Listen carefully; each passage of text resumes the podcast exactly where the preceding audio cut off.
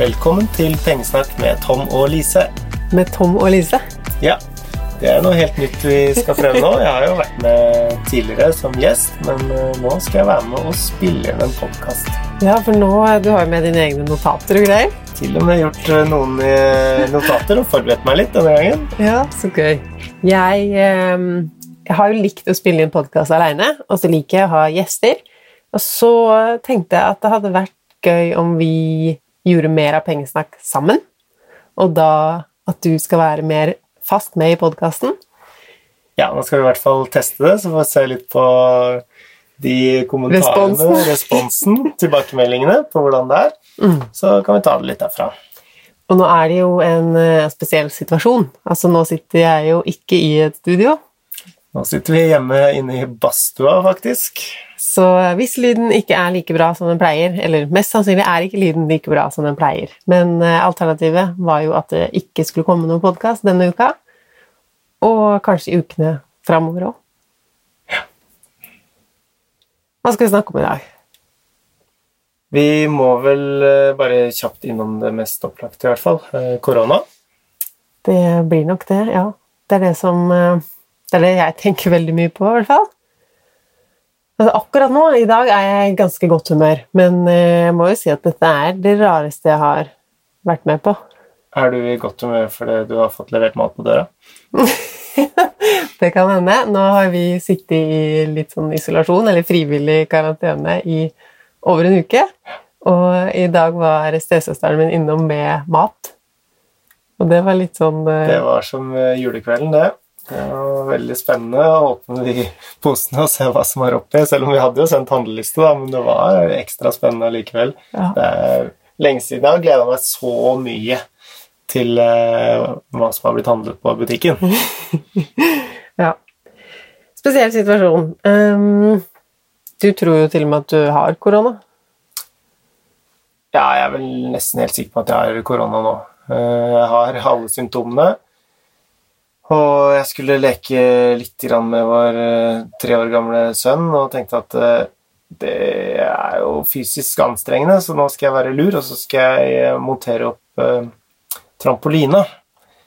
Men det blei mer slitsomt enn jeg trodde. Så etter å ha holdt på med det 20 minutter, da var jeg helt ferdig. Da måtte jeg faktisk gå og legge meg. Ja, det måtte du. Det, det var ikke mye lungekapasitet igjen eh, hos meg nå, altså. Det var lenge siden jeg var noen toppidrettsutøver, men eh, jeg, er ikke, jeg er ikke så dårlig stilt til vanlig. Men eh, det kan jo allikevel ha vært en bra investering å sette opp den trampolina. Det er, er det helt sikkert. I hvert fall nå som vi holder oss på tomta. Og ja, det har jo gått greit i en uke, men hvor mange uker til vi skal gjøre samme? Det vet man ikke. Man får bare følge, følge med i, i mediene og avisene og følge de rådene som kommer fra ja, fra de instansene som skal mene om det her. Og jeg leser jo liksom på Instagram for eksempel, at folk sier at å, jeg blir så stressa av at det er bare koronanyhetene, og anbefaler å ikke se på nyhetene hele tida. Men man må jo på en måte følge med òg, da.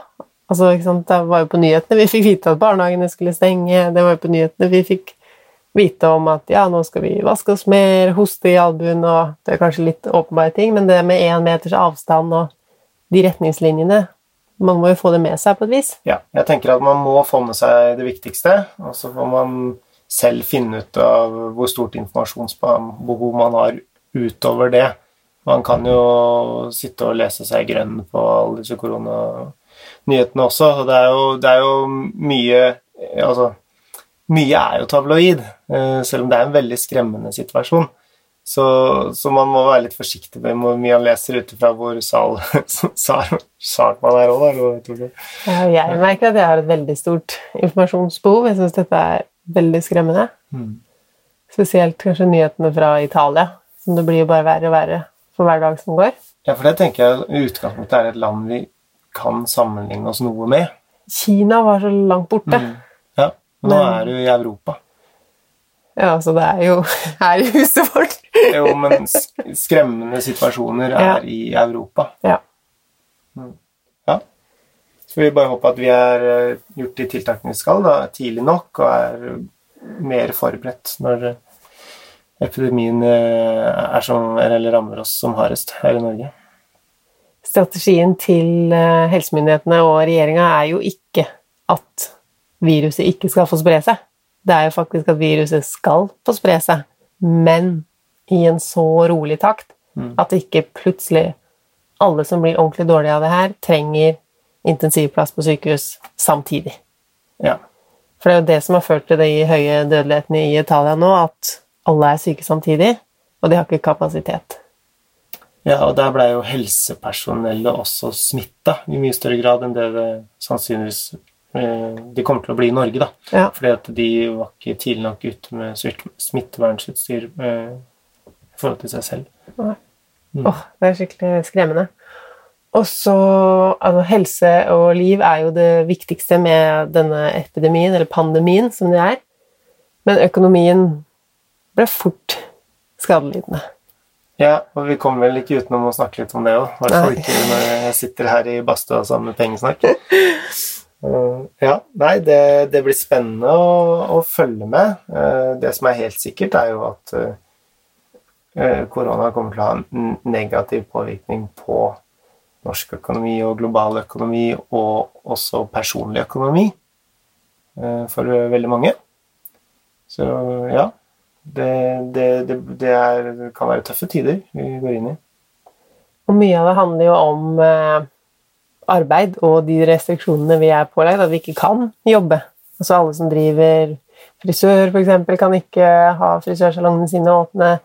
Um, vi er pålagt å være på hjemmekontor, og det gjør jo i mange bedrifter at man kan holde en produktivitet oppe, men folk går jo ikke rundt og handler, heldigvis. Eh, men ikke så heldigvis for bedriftene, som trenger eh, inntekter for å betale husleie og hvor ille kan det her bli? Ja. Nei, noen eh, næringer vil jo rammes mye, mye hardere enn andre. Altså, underholdningsbransjen har vi jo lest en del om i nyhetene. Og så har du jo, har det jo reiseliv. Artister og konserter og Mm. Reiseliv, ja. Norwegian Action, for de som har fulgt med på den, det har jo vært uh, Ja. litt berg-og-dal-bane. Mest uh, dal. Ja, noen oppturer og mange, mange nedturer. Ja, nei, det er, det er som sagt mange, mange næringer som vil bli rammet veldig hardt av det her. Uh, Og så er det jo noen som da har økt salget sitt. Antibac, tenker du på? Antibac. Ja, så har du lest om eh, altså elektronikkbransjen. Nå har det vært behov for mye hjemmekontorutstyr. Ja. Ekstra skjerm. Ja. Ja, Og matkasser og sånn hjemlevering av ting. Ja.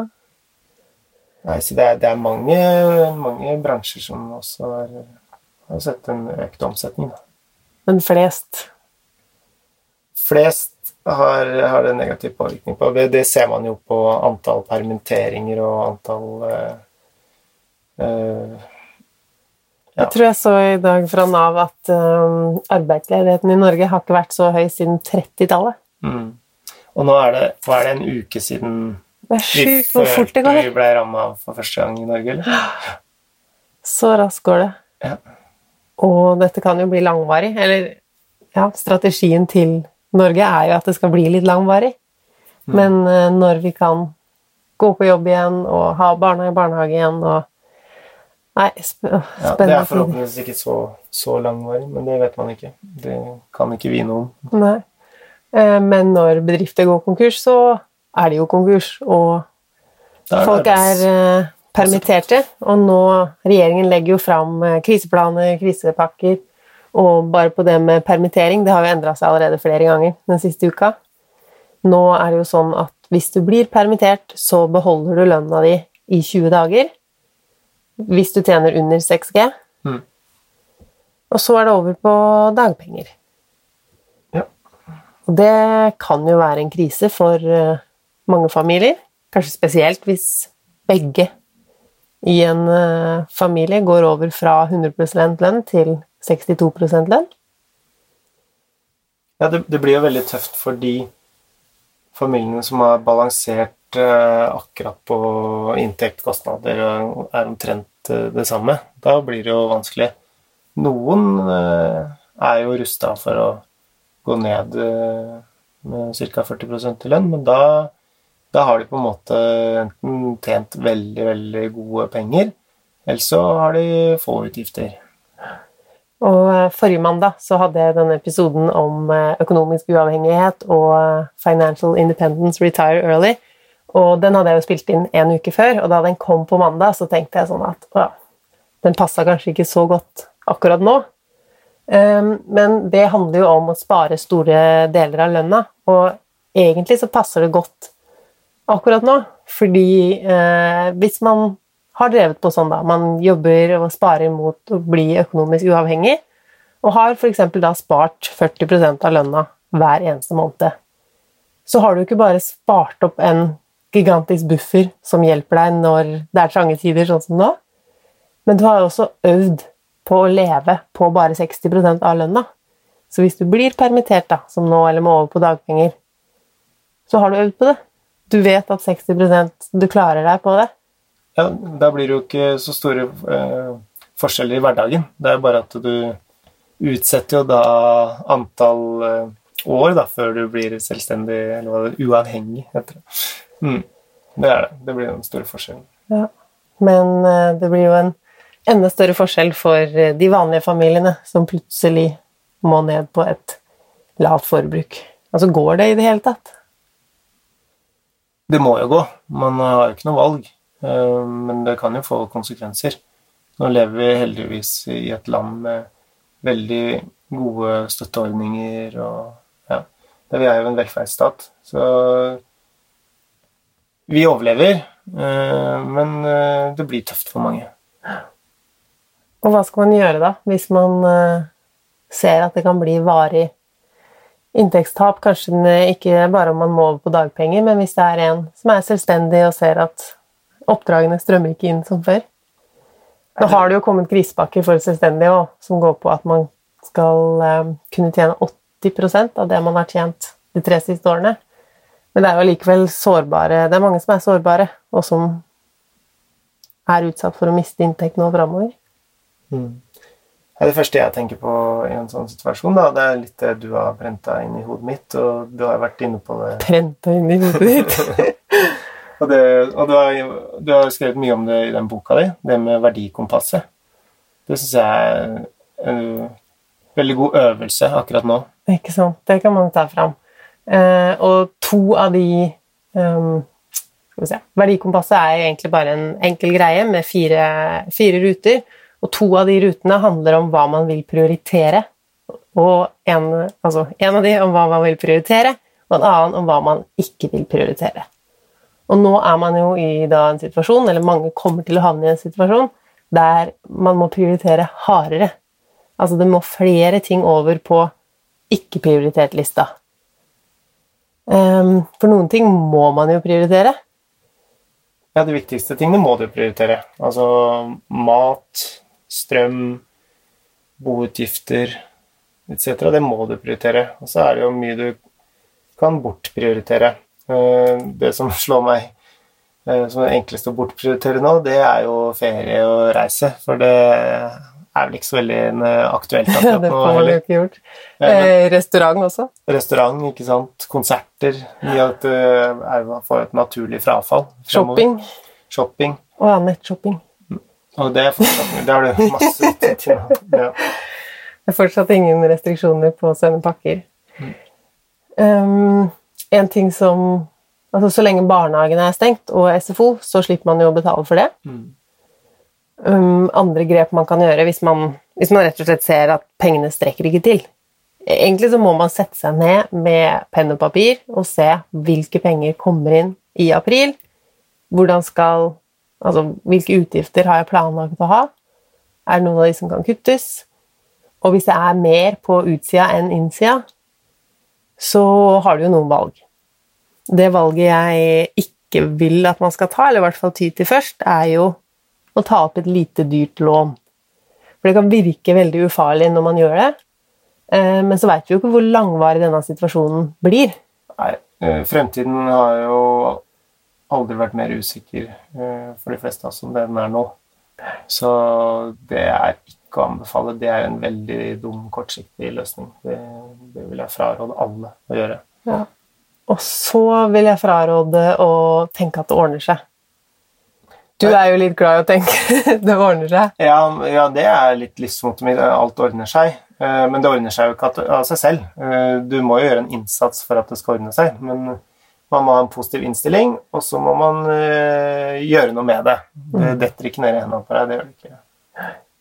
Og så er det jo noen ting som man kan skyve litt på. Altså hvis man har et studielån. De, Lånekassen vil jo ha penger hver eneste måned, men der går det an å si fra at eh, denne måneden betaler jeg ikke, neste måned betaler jeg ikke.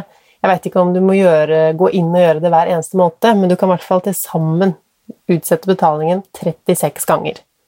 Så det kan jo hjelpe litt på nå sånn måned for måned hvis det er eh, en periode du må på dagpenger eller mister inntekt. Da Altså, lånet blir jo totalt sett dyrere. Uh, det varer lenger.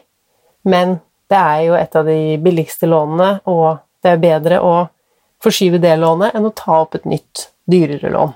Absolutt, og så får vi håpe det kommer bedre tider igjen. Det gjør det jo. Så at ja, du betaler kanskje mer i renter på Og du betaler mer totalbeløp, men du utsetter jo sånn at du kommer til en situasjon igjen der du har råd til å betale uh, både renter og avdrag på studielånet. Og så går jo rentene ned nå. Det gjør det. Nå har det jo vært to kutt siste uka. Ja, det er ganske spesielt. Først et eh, halvt prosentpoeng, og så 0,75. Ja. Så eh, styringsrenta nå er jo veldig lav. Den er på 0,25 ja. Har den vært så lav før? Den var, kanskje, ja. Eh, den var kanskje det under finanskrisa? Jeg, jeg tror ikke det var det i Norge, men Nei. Jeg har jo hørt om negativ styringsrente også. Ja, Men ikke i Norge. Ikke i Norge, men jeg, den, var, den, var, nok på null og kanskje til og med negativ i noen, noen land i, da, i 2008 under finanskrisa, tror jeg. Ja. Mm. Og det at styringsrenta settes ned, det betyr jo da Eller eh, hva heter han, sjefen? Øystein? Øystein Olsen, er det ikke? Jo. Ja, I hvert fall Da han uh, satte ned renta, så sa han jo at han forventer at bankene setter ned sin rente for kundene. Ja, jeg tror ikke de tør noe annet enn å gjøre det. Det kommer, men det er jo alltid en lagger, en forsinkelse. Så nå sa de vel DNB at det er om seks uker, altså i mai. Jeg tror det er alltid seks uker de må, ja. eller at de venter. Mm. Så kom jo første kutt, og så Det meldte vi jo nå før eh, det siste kuttet som var nå. Eh, så vi får vel håpe at det kommer en uttalelse fra DNB om å kutte lånerenta og de andre bankene. Ja. ja. Um, og så ser jeg jo Jeg følger jo nesten alle bankene på sosiale medier, og flere av de sier jo at nå skal det ikke være så vanskelig å få avdragsfrihet på lånene. Altså hvis du er i en situasjon med mindre inntekt en periode pga. koronaviruset, så blir det ikke mange spørsmål og ikke de samme kravene til uh, hvor mye du må ha i egenkapital, altså eie selv, før de innvilger en uh, avdragsfri periode. Nei det er, det er, ingen som tjener på at noen går personlig konkurs. Så det, det, det er de vel veldig fleksible på nå om dagen, tenker jeg, med tanke på den spesielle situasjonen man har havnet i. Ja. Så det er jo noe man kan gjøre hvis man trenger det. Det er jo samme igjen som med studielånet, at uh, da varer jo lånet lenger og blir dyrere totalt. Men for å få det til å gå rundt måned til måned nå, hvis det, ja, hvis det ikke går rundt uten uh, den type hjelp, så er det en mulighet. Mm. Fordi um, Ja, kanskje mange har tid til overs nå, men det er jo ikke noe jobbmarked. Er det det? Jobbmarkedet blir dårligere. Det blir uh, mindre tilbud etter jobber. Mange mister jobben. Arbeidsplasser forsvinner. Det kommer til å forsvinne masse sånne ekstrajobber innenfor uh, varehandel. Ja, du tenker det? Ja, Eh, helt klart. Eh, ja, reiseliv kommer de til å si opp folk. Altså mange bransjer. Mm. Så hva kan man gjøre for å få inn litt penger? Er det, det har kanskje aldri vært vanskeligere?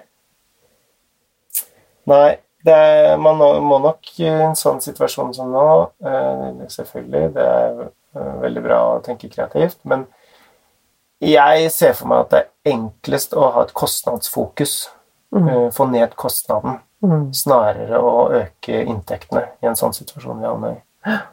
Jeg har eh, Eller skal jeg si vi nå? Vi har fått inn et uh, spørsmål som uh, Vi har jo ikke noen fasit på det spørsmålet her, verken du eller jeg, tror jeg. Men vi kan snakke litt om det og se om vi har noen At vi i hvert fall kan si hva vi ville gjort i denne situasjonen. Hun sier vi kjøpte bolig rett før jul og har planer om visning av vår gamle leilighet 29. mars. Det er jo ikke noe kult, nå som alle holder seg inne. Så vi overtar ny leilighet 29. mai og har derfor litt tid på oss. Vi er heldigvis ikke permittert fra jobb, men en kan jo aldri vite. Dersom det nå skulle skje en kollaps og vi ikke får solgt leiligheten før til høsten, sitter vi på to leiligheter i kanskje et halvt år. En kostnad på 42 000 i måneden i lån. Og husleie på 10 000 kroner samlet. Og så er det jo barnehage og alle andre utgifter. Med 72 000 ser jeg jo hvor knapt det blir på en familie på fire med to barnehagebarn. Hvordan er det med avdragsfrihet på studielån og eventuelle boliglån? Kan vi be om det? Vi har nå en inntekt sammenlagt på utbetalt 62 000 per måned. Men det er fordi jeg jobber 80% fram til mai. Vi vil fra da ha 72 000 utbetalt i måned. Tror du dette er noe vi kan klare ved å senke utgifter og droppe sparing i fond denne perioden? Og vet du hvor lenge man kan be om avdragsfrihet? Er litt i villrede og bekymret for hele situasjonen. Dersom vi ikke klarer å selge nå, er min største bekymring personlig konkurs. Ja, det var jo et langt spørsmål. Mange ting å ta tak i. spørsmål, egentlig. Ja. Ja. Men det Eh, er sikkert ting som flere Ja. Ja, jeg kan jo begynne med å kommentere på noe av det. Eh, Hun sa jo at i verste fall så kom hun opp i en kostnad på 40 000 på boutgifter. Det var det ikke to, 42 000? 42 000 ja. på lånet pluss 10 000 på felles. Ja, 52 000. Men da, da har hun jo her eh, sannsynligvis regnet inn både renter og avdrag, da. Og da Mm. snakka vi i stad om det om å kunne få avdragsfrihet. Eh, og det er jo da på to eh, eiendommer. Eh, så jeg tenker at eh, jeg ville planlagt og, og gjennomført visning. Jeg tror det kommer noen nå. Jeg har, en del venner innenfor eiendom og, som jobber som eiendomsmeglere, og de sier at aktiviteten foreløpig er, er ok til bra, men plutselig her så kommer det jo et bråstopp. Det gjør det jo helt sannsynligvis, i hvert fall hvis situasjonen kommer til å være nå. For det, Ja. nå, nå får du alle de som planla å selge eiendommen sin før korona kom til Norge. Eh, Men de som skal begynne å planlegge å selge eiendommen sin nå, de, Ja, de, de utsetter jo. ja. Ikke sant? Så det vil jo komme et vakuum her på et eller annet tidspunkt. Um, og de som allerede har planlagt å kjøpe, eller må kjøpe, de er jo i markedet nå. Og, Mm. Ja. og, så jeg ville gjennomført uh, og forsøkt å selge. Uh, en annen ting med det å gjøre det da, da har du flere forsøk. Uh, hvis du ikke gjør det nå, så mister du et forsøk på, på å få solgt eiendommen din. Mm.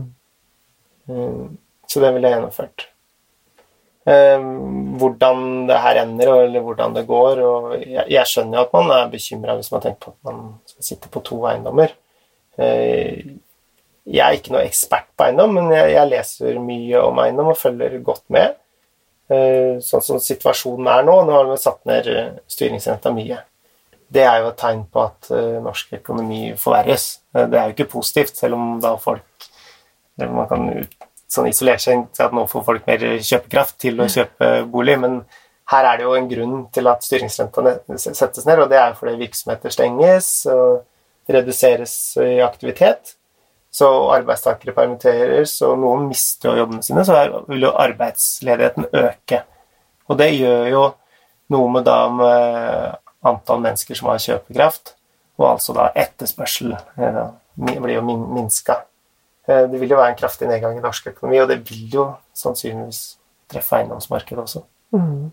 Det treffer bare ikke like fort som eh, Nei, for det, på kort sikt så mister du ikke jobben, og så får du i tillegg noe lavere lånekostnader, så det hjelper husholdningen. Eh, Og spesielt da de som opplever en reduksjon da, til 60 eh, så vil det hjelpe dem. Men, men som sagt, du, det vil jo påvirke eiendomsmarkedet også. Men så, så er jo korona over, da. Forhåpentligvis på et eller annet tidspunkt. Eh, Og hva da? Og da har vi jo plutselig Da øker jo aktiviteten i norsk næringsliv igjen. Flere får jobber. Og lånekostnaden her også. Det vil jo få en etterslep på den, så da vil du oppleve at mange får eh, ny kjøpekraft. Ja. Så da vil du kanskje få en rekyl igjen. Men det aner vi jo ikke når det Nei. skal skje. Eller om det skjer. Mm. Og så spør hun jo om hun eh, kan droppe sparing i fond denne perioden. Eh, og det ville jeg gjort. Hvis hun tenker at, eh, i hvert fall hvis hun ser at de ikke får solgt nå første runde, så trenger hun jo de pengene hun har til rådighet. De trenger hun jo. Mm. Men mens vi snakker om fond, så det er jo mange som er Som kikker litt mye på fondene sine i aksjesparekontoen, eller hvor man har det, og det går jo nedover. Og um, mange spør hva skal jeg gjøre nå, jeg har tapt så mye, jeg ser at jeg har tapt så og så mye de siste dagene. Uh, men så lenge du ikke selger fondene dine, så har du ikke tapt noen ting. Så du vil jo se i nettbanken, eller hvor du har disse fondene, at verdien, altså antall kroner, er lavere. Men antall andeler du har i fondene, de er det samme. Så du eier like mye, bare at det er litt mindre verdt i dag enn da du kjøpte dem. Um, og, så det jeg sier nå, handler jo egentlig ikke om korona isolert sett. Altså, før jeg begynte å investere på børsen, så leste jeg ganske mye, fordi jeg var veldig redd for å tape pengene mine. Og det som jeg også forteller videre til andre som har lyst til å invitere, invitere, investere på børs, er jo at det er noen ting man må vite. Og det kanskje viktigste er jo at man må ha lang sparehorisont. Og det er jo nettopp fordi at det at børsen går ned, sånn som den gjør nå, det er ikke unikt. Det kommer til å skje mange ganger at børsen går ned. Men over tid så har den alltid gått mest opp. Så det svinger, men det svinger oppover. Og akkurat nå er vi på vei ned, og da ser det jo ikke noe kult ut. Um, andre tenker jo at jo, det ser kjempekult ut, fordi da er jo fondene og aksjeavdelene på billigsalg. Det koster mindre nå enn det gjorde før jul. Og det gjør det jo. Eh, Men om det betyr at man skal gå inn og kjøpe masse nå Jeg tror ikke bunnen er nådd. Og uansett om den er nådd eller ikke Å spare fast hver måned, det er det jeg gjør, og som jeg eh, gjerne anbefaler videre òg, fordi da Ja, noen ganger så kjøper du andeler på topp. Andre ganger så kjøper du når det er aller billigst. For det å time aksjemarkedet og vite når skal det ned, når skal det opp, det er så vanskelig at selv de som har det som fulltidsjobb, bommer ofte. Ja, Var det en grei? det er jo veldig greit. Men jeg, jeg skjønner jo folk. Altså, i kort, det, det gjør jo mye vondere når det er sånne store svingninger når det er små svingninger. At du kjenner det litt på kroppen òg. Det, det er helt naturlig. Ja. Eh, Så da det er det jo det å være tøff mot seg selv da, og følge de rådene som folk gir i forhold til å ha litt is i magen, tror jeg. Og følge det man tenkte da Altså, hva tenkte du da du begynte å investere? Si at du begynte å putte inn penger i fjor. Hva var planen din da? Var planen din å ta ut pengene nå, etter et halvår eller et år? Nei, det var jo ikke det. Eller da burde du i hvert fall ikke ha investert dem i rene aksjefond. Så hvis planen din er ja, dette er penger jeg skal bruke fem eller ti år fram i tid, som det mest sannsynlig er, så har det jo ikke noe å si hva kursen er i dag. For du skal jo ikke selge i dag. Du venter, du. Du er veldig smart og venter til andelen andelene er mer verdt, og da kan du selge. Det må vi kunne råde folk til. Ikke selge. Ja. Dette er jo en gjenganger i, i um, Facebook-forumet Pengesnakkerne om dagen, at folk ser at de har tapt så mye penger i aksjemarkedet, men eh, ingen har tapt før de har solgt. Bortsett fra hvis du har investert i en enkelt enkeltaksje, altså i et selskap som går konkurs. Da har du tapt. Men hvis det er i fond og brede fond, lenge du ikke selger, så har du ikke tapt. Så det var det med is i magen og sitte rolig i båten. Var det noe mer vi skulle svare på i det spørsmålet? Hvor lenge kan man be om avdragsfrihet? Jeg ser nå at folk får tre måneder, seks måneder, og blir denne krisen langvarig, så kan man jo forlenge det. Ja, det var jeg litt inne på i stad. Eh, Her tror jeg bankene kommer til å vise eh, stor fleksibilitet, for det, er ingen som tjener på at noen går eh, konkurs. Det taper også bankene på. Så er du i problemer, så snakker du banken. Eh, så tror jeg man helt sikkert finner en eh, løsning som eh, begge er tjent med. Og jo før, jo heller. Og nå er det jo heller ikke sånn at det er flaut å være rammet økonomisk av koronakrisen. Nei, nå sitter veldig mange i samme båt, ja. Ja. Så ikke tenk at den telefonen er vanskelig å ta. Det kan være en løsning, midlertidig eller på sikt. Mm. Er det noe mer Altså, alle måtene korona kommer til å ramme økonomien vår på, de, eh, det veit vi jo sikkert ikke ennå. Nei. Eh, Men jeg tenker at noe annet er viktig da, nå, ja, det er jo det å ta vare på hverandre. Mm. Ikke bare tenke økonomi oppi her. Eh, Familien er viktigst. Eh, God tid til å, til å være mye sammen med den. Med mindre man jobber i helsevesenet. Så mindre man jobber i helsevesenet. Da er man en hero. Og så lenge man ikke har satt seg sjøl i karantene. Da får man jo veldig mye tid med de aller nærmeste. Men Spesielt inni inne i badstua her nå. Det, Nei, men det, det tror jeg er viktig. Ta vare på hverandre. Og nå er det jo ta opp telefonen og ring de andre og ja, sjekke etter at alle har det så bra som overhodet mulig. Ja. Og så endrer ting seg. Man vet ikke helt hvilken retning ting tar. Eh, De forskjellige krisepakkene, altså ting endrer seg politisk. Retningslinjer vi må følge, endrer seg. Så bare følg med. Um, Lykke til både med økonomien, som vi har snakka mye om i dag, men først og fremst helsa og de du er glad i. Og selv om du er ung og tenker at 'jeg er ikke så redd for å bli smitta av korona', det er ikke derfor du blir bedt om å holde deg inne nå. Det er jo ikke av deg selv. Det er i forhold til alle de andre du kan smitte, og de som er spesielt utsatt for eh, ja, i forhold til korona. Neste uke så skal vi to eh, snakke om familieøkonomi. Ja, selv om dere kanskje ikke Selv om dere ikke får de beste tilbakemeldingene etter meg, eh, så føler jeg vel det er naturlig å kanskje være med på den, da, uansett. Den får du være med på. Eh, Jeg skal også gjøre et intervju neste uke, så det blir nok publisert først. Ja. Så det tenker jeg er, kommer til å bli både inspirerende og lærerikt for de som hører på. Så det gleder jeg meg til å ta den praten neste uke, og så publisere den. Og så er det oss to og familieøkonomi etter deg. Ja. Så da får vi bare si over og ut fra badstua. Ja, da ses vi i badstua neste uke. Det gjør vi. Ha det bra. Ha det Ha en god uke.